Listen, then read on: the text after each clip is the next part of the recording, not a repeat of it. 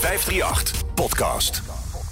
Ja, Dit is wat, hè? nou, dit is echt super bijzonder. Ik eh, heb hier misschien van alle gasten, en dat is flauw om te zeggen, maar misschien wat meest naar uitgekeken. Omdat het heeft ook zo lang geduurd eer we het verlossende woord kregen dat hij gaat. Ja.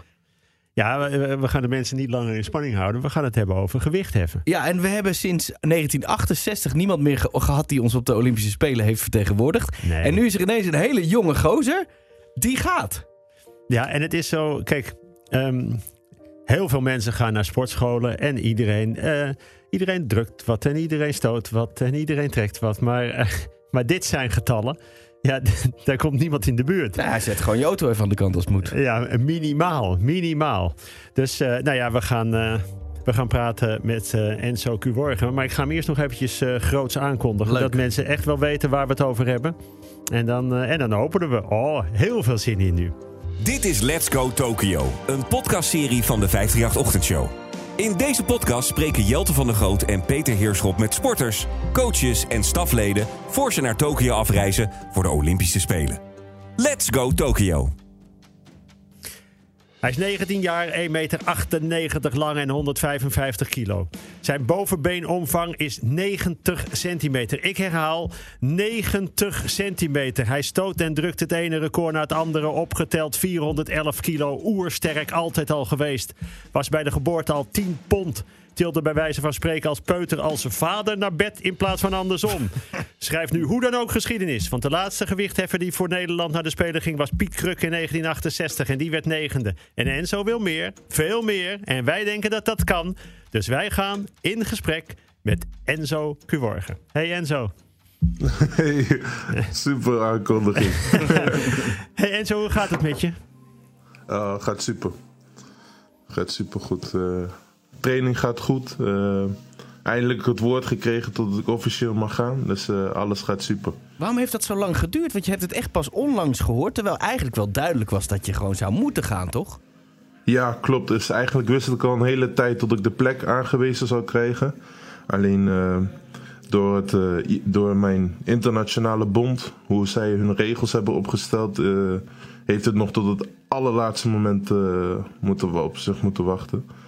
Maar ja, eigenlijk, ik ben gewoon heel blij dat ik het uiteindelijk wel toch heb gehoord. Dus ja. En zo, neem ons een beetje mee in die sport. Want um, nou ja, laten we beginnen met uh, de categorie stoten. Hoe, hoe gaat dat in, in zijn werk? Jij, jij kan 231 kilo stoten. Misschien wel meer nu, dat weet ik niet. Ja. Maar um, hoe gaat het in zijn werk? Wat, wat, um, wat moet je er allemaal voor doen? Om uh, op het niveau te komen, bedoel je? Ja. nou, in ieder geval, je moet een goede aanleg hebben om... Uh, de sport op hoog niveau te kunnen beoefenen. Maar vooral heel, heel veel train training. Uh, ik ben al vanaf mijn achtste bezig uh, hier bij Waalsport. En uiteindelijk ben ik op dit niveau gekomen. Alleen dat heeft me bijna al twaalf jaar gekost. Dus enorm, enorm veel training. Ehm, doorzettingsvermogen. En nog meer training. Wanneer voelde je dat het wel eens wat kon worden, dit? Dat je, dat je hier zo goed in was dat je, dat je records zou gaan breken? Nou, eigenlijk al vanaf het nou, records breken, dat wist ik nog niet. Ik had, als je me tien jaar geleden zou zeggen tot ik nu 231 zou stoten, zou ik zeggen dat je gek bent. Alleen, uh, uh, ben al vanaf het begin met jongens hier aan het trainen die uh, me vertelden tot ik ooit naar de Olympische Spelen zou kunnen of naar naar een wereldkampioen kan worden. Al dat soort dingen. Dus ik heb er eigenlijk altijd wel in geloofd. Maar op een gegeven moment, ik denk rond 2015, toen begon het wel echt, echt te worden.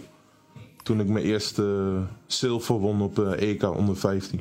En zo nog eventjes een stukje terug. Je zei ja, het gaat ook om, om aanleg. En je begon op je achtste. Hoe zag jij eruit toen je acht was? ik zag er niet uit als een doorsnee achtjarige. Ik denk, ik weet niet meer precies hoe lang ik was en hoe zwaar, maar ik denk wel tot ik rond de 60 kilo woog. en, uh, of misschien 55, 60 kilo. En uh, ook wel 1,65 lang was. Wat, misschien 1,70 al wel. Wat moet jij eten op een dag om een beetje, want je zult een spieren aanmaken ook. ja, ja, zeker. Ik moet enorm, enorm veel eten. Dat is uh, bijna eh, een deel van mijn training, laat maar zeggen. Waar moet ik aan denken? eh, vier, vijf maaltijden per dag. En dan per maaltijd neem ik wel eens twee borden. Veel rijst. Eh, ik, ik weet niet of je jollof kent. Dat is een uh, Ghanese gerecht. Dat eet ik heel veel. Dus rijst, bonen, eh, tomatensaus, vlees. Heel veel vlees. Eh, allemaal eiwithoge producten. Lekker man, dat is wel fijn hè, om gewoon onge- eigenlijk gewoon te moeten eten. Ja, ja, op een gegeven moment eh, moet je zoveel eten tot het misschien iets minder fijn wordt. Alleen, het is wel beter dan af moeten trainen naar, naar een wedstrijd toe. En dan het trainen, want het, eh, het trainen bestaat. eh, nou ja, het is natuurlijk eten en rusten, maar, maar er tussendoor moet je trainen. Hoe, Ja. hoe, hoe ziet een, een doorsnee training eruit voor jou? Ehm, een doorsnee training begint met een hele, hele uitgebreide warming-up. Ik heb natuurlijk een heel groot lichaam. wat veel tijd nodig heeft om op te warmen. Dus ik begin met fietsen. Op gewoon een fietsje hier in de sportschool. Dan uitgebreid rekken, een half uur minstens. Eh, nog wat eh, extra oefeningen die ik van de fysio altijd meekrijg. En dan eh, begin ik aan de halte. En aan de halte eh, luister ik eerst naar Pierre wat de opdracht voor vandaag is. En dan begin ik met de eerste oefening. Meestal als het een zware training is, waarschijnlijk met trekken richting 170 of 175. Ligt eraan wat de bedoeling is van de dag. En dan eh, stoten. Meestal een stootvariant. We hebben heel veel... Oh. Ging even wekker af. Ehm, he- heel veel eh, je bent varianten. ja, precies. even voor de zekerheid. Ja, Oké, heel goed, heel goed. Ehm, maar eh, dan een stootvariant en dan nog een kniebuigvariant. En bij die stootvariant zit ik wel meestal rond de 200 kilo. En dan uitschieters voor de wedstrijden richting 225, 230 kilo. Niet te geloven. En mijn record met kniebuigen is 300 kilo. Zo. Dat is een beetje een referentiekader. En, en waar lig jij als je het, eh, dit moet vergelijken met de wereldtop? Wat ga je straks tegenkomen op de Olympische Spelen? Ehm, de absolute wereldtop op dit moment in mijn klasse, dat is Lasha Talagadze. Eh, maar dat is niet alleen de wereldtop van nu, maar hij is de beste aller tijden. Dus dat kun je zonder eh, twijfel zeggen dat hij de beste aller tijden is in heel gewicht heffen. Dus hij zit, laat maar zeggen, 20 kilo boven eh, zijn dichtste concurrent in elk onderdeel. Dus die ga ik tegenkomen. Maar voor de rest eh, heb je een sterke Braziliaan. Nog een sterke jongen uit Syrië. Dat is ook wel een interessant land. Ehm, en dan heb je nog wel een paar jongens waar ik wat dichterbij zit. Dus eh, er doen in totaal 14 mensen mee. Nou, 14 atleten mee. En eh, ik denk dat ik wel in de top 8, top 7 kan eh, terechtkomen. Voor dit, eh, deze Olympische Spelen. Dat zou toch ongelooflijk zijn op jouw leeftijd? Ja, ik, ho- ik hoorde net al, Piet, Piet van der Kruk was negende geworden. Ja. Ja, dus ik, ik hoop dat, dat, dat ik dat wel kan verbeteren. Ja, Zo. nu al hè? En zo, eh, je hebt het over, over, je, over je knieën al. Komt het merendeel aan op je, op je knieën? Ehm, nou, ik denk meer op je bovenbeenspieren. Eh, waar ik, als ik last heb van mijn knieën, is het voornamelijk veel spanning op die bovenbenen. Wat, wat gaat trekken aan rond die structuren. Er is eh, niet echt iets kapot in mijn knie. Ik heb laatst ook eh, foto's laten maken voor de zekerheid. Maar het is vooral omdat je zo erg je bovenbenen belast, tot alles gaat trekken aan die structuren rond die knie. Dus eigenlijk is het voornamelijk bovenbenen en rug. Ja, want ik las namelijk eh, een, een zin. Om de chronische pijn in zijn knieën te verlichten, gaan er iedere keer zakken met ijs op de gewrichten na het trainen. Ja, Om de chronische pijn in zijn knieën. Die heb jij de- dus. ja, eh, chronische pijnen tijdens het trainen. Dus als ik in een, eh, in een trainings, eh, een zware trainingsweek zit, of gewoon, dat is bijna eigenlijk altijd, dan heb ik veel last van mijn knieën. Alleen dat komt omdat ik ehm, zo erg, zoveel train, tot, tot mijn knieën geen rust krijgen. Dus om het eh, herstel te versnellen, doe ik daar eh icepacks op. Drie keer tien minuten, dus daar ben ik een uur mee bezig. En dat helpt dan eh, om weer de volgende dag kunnen, te kunnen trainen. Ben jij een attractie in de sportschool? Ja, dat, ik merk nu langzamerhand dat ik wel een beetje een attractie begin te worden. Ja. Nou, maar mensen geloven toch niet wat ze zien als ze jou bezig zien? Nee, klopt. Ik, ik- voor mij, eh, als ik soms een lichte, eh, tussen aanhalingstekens, lichte training bezig ben. En ik, bij wijze van spreken, ik buig, eh, kniebuig eh, 240 kilo. Dan heb ik al een klein publiek eh, in de sportschool die naar me toe aan het kijken is. Ja, dat kan ik me wel voorstellen. Ja, maar dat zit op kracht. Het, is, eh, het zit ook op uitstraling. En, en ehm, hoe groot is, de, is, de, is jouw mentale kracht? Want het, het- ja, je ziet dat Ja, liggen, zo'n gewicht, en het moet toch maar omhoog. Ik zou het Ja, gelijk ik- opgeven.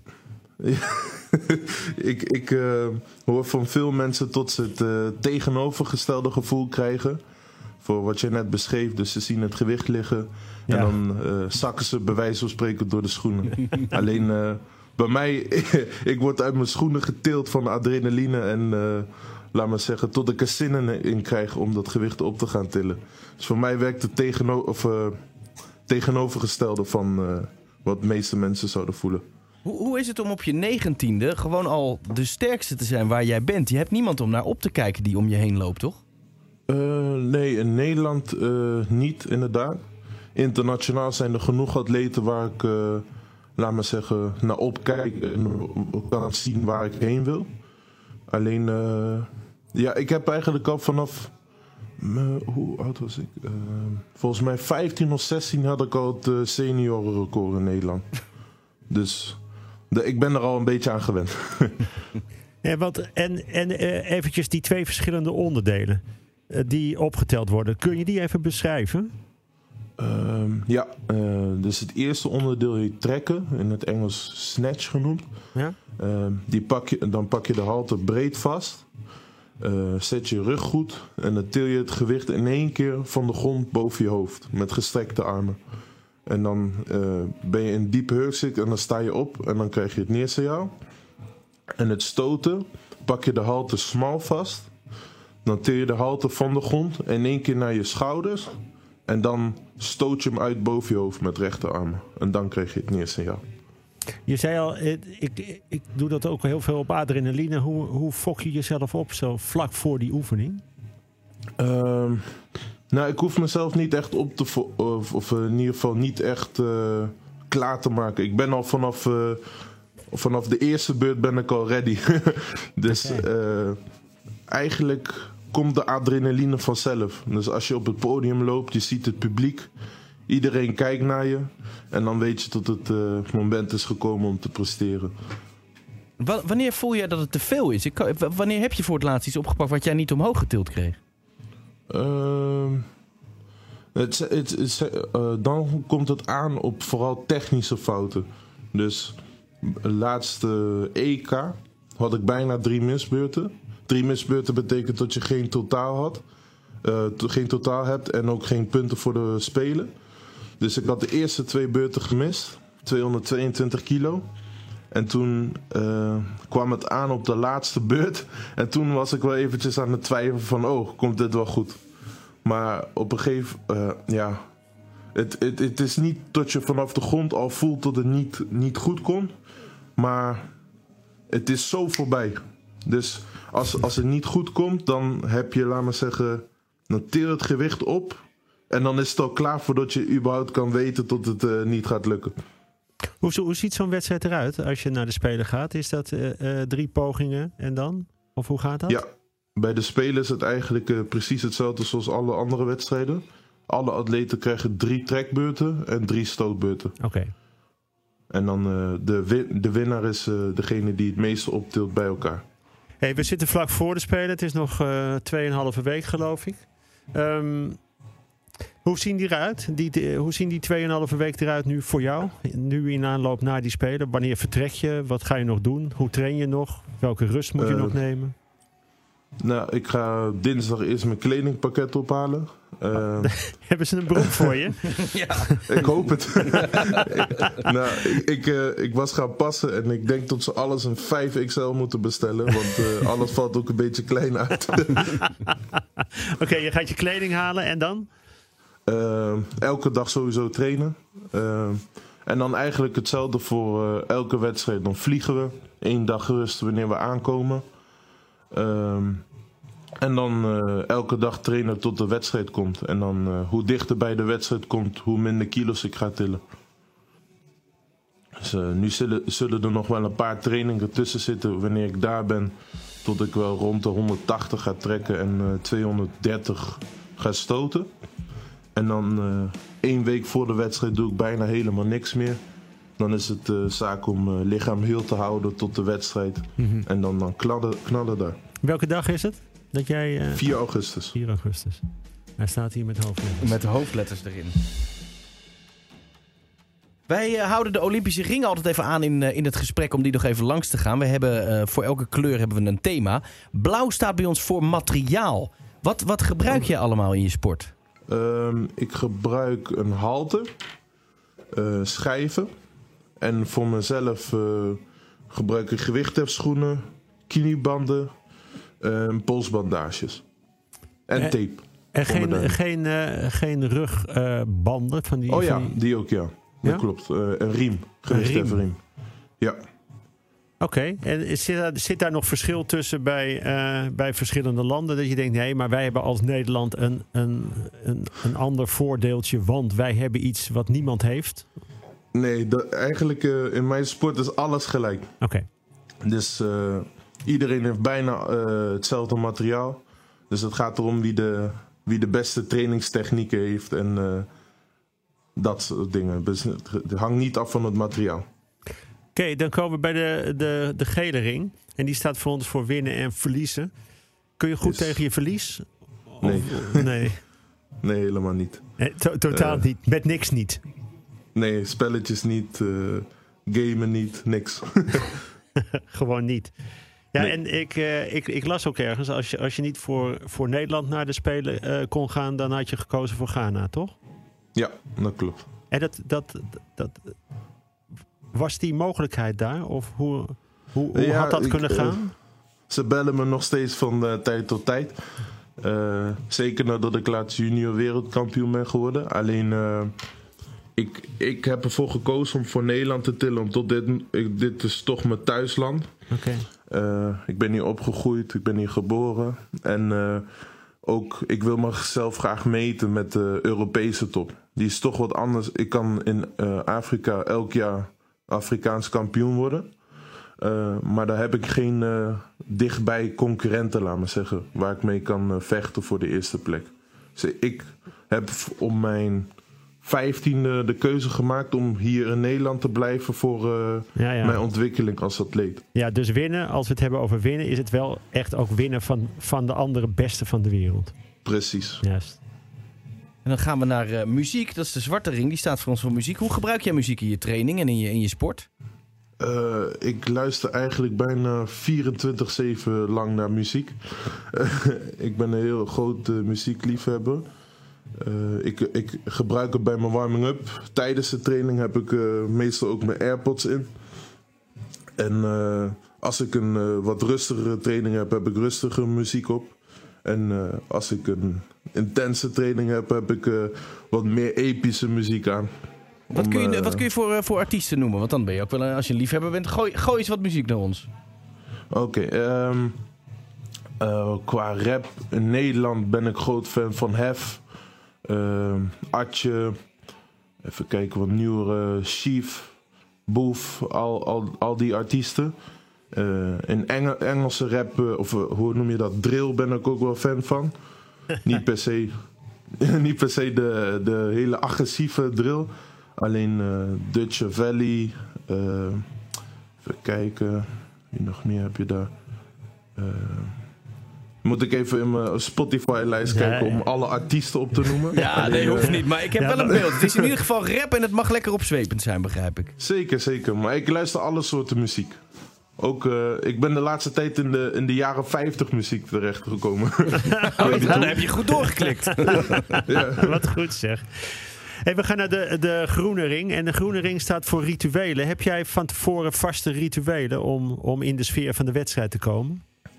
Eh, ja, ik, ik heb wel wat rituelen. Ehm, alleen ik probeer het niet te veel te laten lijken op, eh, hoe heet dat? Bijgeloof. Bijgeloof, oké. Ja. Dus ik probeer het zo eh, rustig mogelijk te houden met dat. Alleen, ik heb, ik heb niet eh, tot ik eerst mijn rechterschoen aan doe of mijn linkerschoen. Maar wel gewoon eh 20 minuten voor mijn warming-up moet ik deze warming-up routine maken. Oké. Eh, dan loop ik naar beneden, luister ik nog wat muziek en dan ga ik beginnen met de wedstrijd.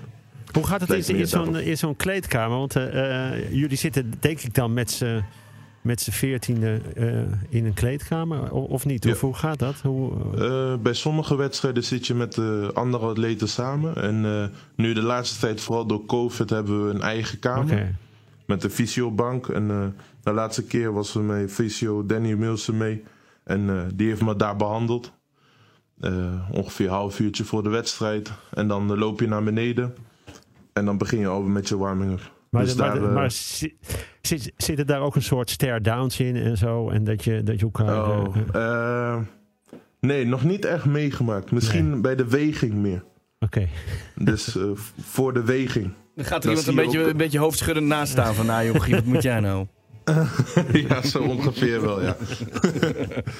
En rood, de rode ring staat bij ons voor leven als een sporter. Jij bent 19. Hoe verschilt jouw leven van andere leeftijdsgenoten? Oh, eh, geen feestjes of eh, bijna geen feestjes. Eh, niet drinken, geen gekke dingen uitproberen. En vooral heel gedisciplineerd leven. Dus eh, wat ik al zei, die icepacks, eh, elke training, eh, een uur daarvoor uittrekken. Altijd mijn supplementen innemen, op tijd gaan slapen. En dan niet één keer in zoveel tijd, maar elke dag. Dus dat vergt veel eh, discipline. Heb je er wel eens moeite mee? Ehm, ik heb wel eens moeite ermee als ik eh, net terugkom van een wedstrijd om dat weer op te pakken. Alleen als ik eenmaal in de flow zit zoals nu, dan eh, gaat het me wel goed af. En zo, wij hebben er ontzettend veel zin in. Ik zat aan Ik je te denken, toen dacht ik nog, oh, als, als hij nou het stadion komt binnenlopen met een vlag van 150 kilo. had ik ook nog schitterend gevonden. Ja, maar goed, er ja. zijn andere vlaggedragers. Maar, eh, maar jij bent wel echt een hele bijzondere vertegenwoordiger. Na al die jaren hebben we eindelijk weer een gewichtheffer. En, eh, en wat voor een. Dus wij kijken Ja. uit naar die 4 augustus. Het staat met hoofdletters in de agenda. Yes. En we gaan je, eh, gaan je absoluut op de voet volgen. Heel veel succes. Heel erg bedankt. Succes Enzo, we zijn nu al trots Yes. op je. Hoe va- Dankjewel. trouwens, hoe vaak Enzo denk je, zie jij iets staan en denk je alleen maar, zou ik dat op kunnen tillen? Eh, vaker dan je dat je zou denken, denk ik. maar het gaat dan over een stadsbus, een tram. nou, ik, zie, ik zit hier nu naast zo'n eh, zware fysiobank. En toen denk ik, oh, nou, zou het wel lukken. Hoe vaak loop je op straat, zie je iemand lopen en denk je, die zou ik wel Oh. op kunnen tillen. Iemand, ik kan altijd iedereen optillen. Enzo, dankjewel. Yes, super. Hoi. Hoi. In de volgende aflevering van Let's Go Tokyo. Ik had toen een eh, vriendin in eh, Parijs. En eh, ik dacht, ik ga gewoon bij haar intrekken. Ja. Dus eigenlijk een, een week na de Spelen dacht ik... eh, ja, hey, uh, toedeledokie iedereen, ik ga er vandoor. Ik, ik heb een hekel aan Parijs en Hagen gekregen. Meer horen van de 538 Ochtendshow en de Olympische Spelen? Check 538.nl slash ochtendshow. Ja, en, en ook hij kan dat weer meestelijk vertellen. Ben wat hij 19, doet, hoe hij staat. Ja, maar dat is echt hartstikke bijzonder. Wat een sport. En echt tof om erbij te hebben. En dat hoor je ook als je eh, judo'ers bijvoorbeeld nu vraagt. Die vroeg ook, die weer begon ook te appen. Gaat Enzo mee? Ja, te gek. Het is toch ook, eh, ja, zo tof om erbij te hebben. Ja, en eh, ja, dat, dat heb je dus. ehm, ja, ik heb het heel erg met, de- met, de, met de speler komt er altijd een sport bij. Dat je denkt, ja, die ga ik nu volgen. Je zou alleen naast hem in het vliegtuig zitten, hè? Dat is niet fijn. Dan vraag je een ander plekje. Dan vraag je een ander plekje. dan, dan, dan win je de middencontrole niet, hoor. Dan krijg jij je arm, die kun je niet kwijt. Nee, maar ik heb het hier staan, 4 augustus. Dan gaan we ons helemaal voorbereiden op het, eh, op het gewicht heffen. hey, één ding, en dat, eh, dat is natuurlijk nooit leuk om te doen. Maar eh, ja, wij genieten natuurlijk enorm van deze podcast. Keer Ja. op keer weer. En van de roem. Eh, Ik, heb je, ik liep al naast mijn schoenen net. Zag je het? Ik vind dit geweldig. Dat we, we zijn ineens op, op alle platformen worden we, worden we geworden. En dat, je kunt dus sterretjes geven. En dat Ja, maakt dat- onze roem op de platformen dat groter. wou ik zeggen, dat zeiden ze van de organisatie. Zegt, en, en dan moet je ook vragen of mensen daar een beoordeling aan willen geven. Dat ze gewoon daar sterren, en want dan, dat scheelt. Dan, dan wordt er meer geluisterd. Ja, dan Ik krijgen vind we het meer heel promotie. om te doen, maar ik vind het ook fijn. Ja, het, eh, je kunt ons steunen door gewoon alleen maar even een duimpje omhoog te doen, te abonneren, eh, sterretjes te geven. Dat is eigenlijk op elk platform anders. Maar doe het alsjeblieft, want dat houdt ons van de straat.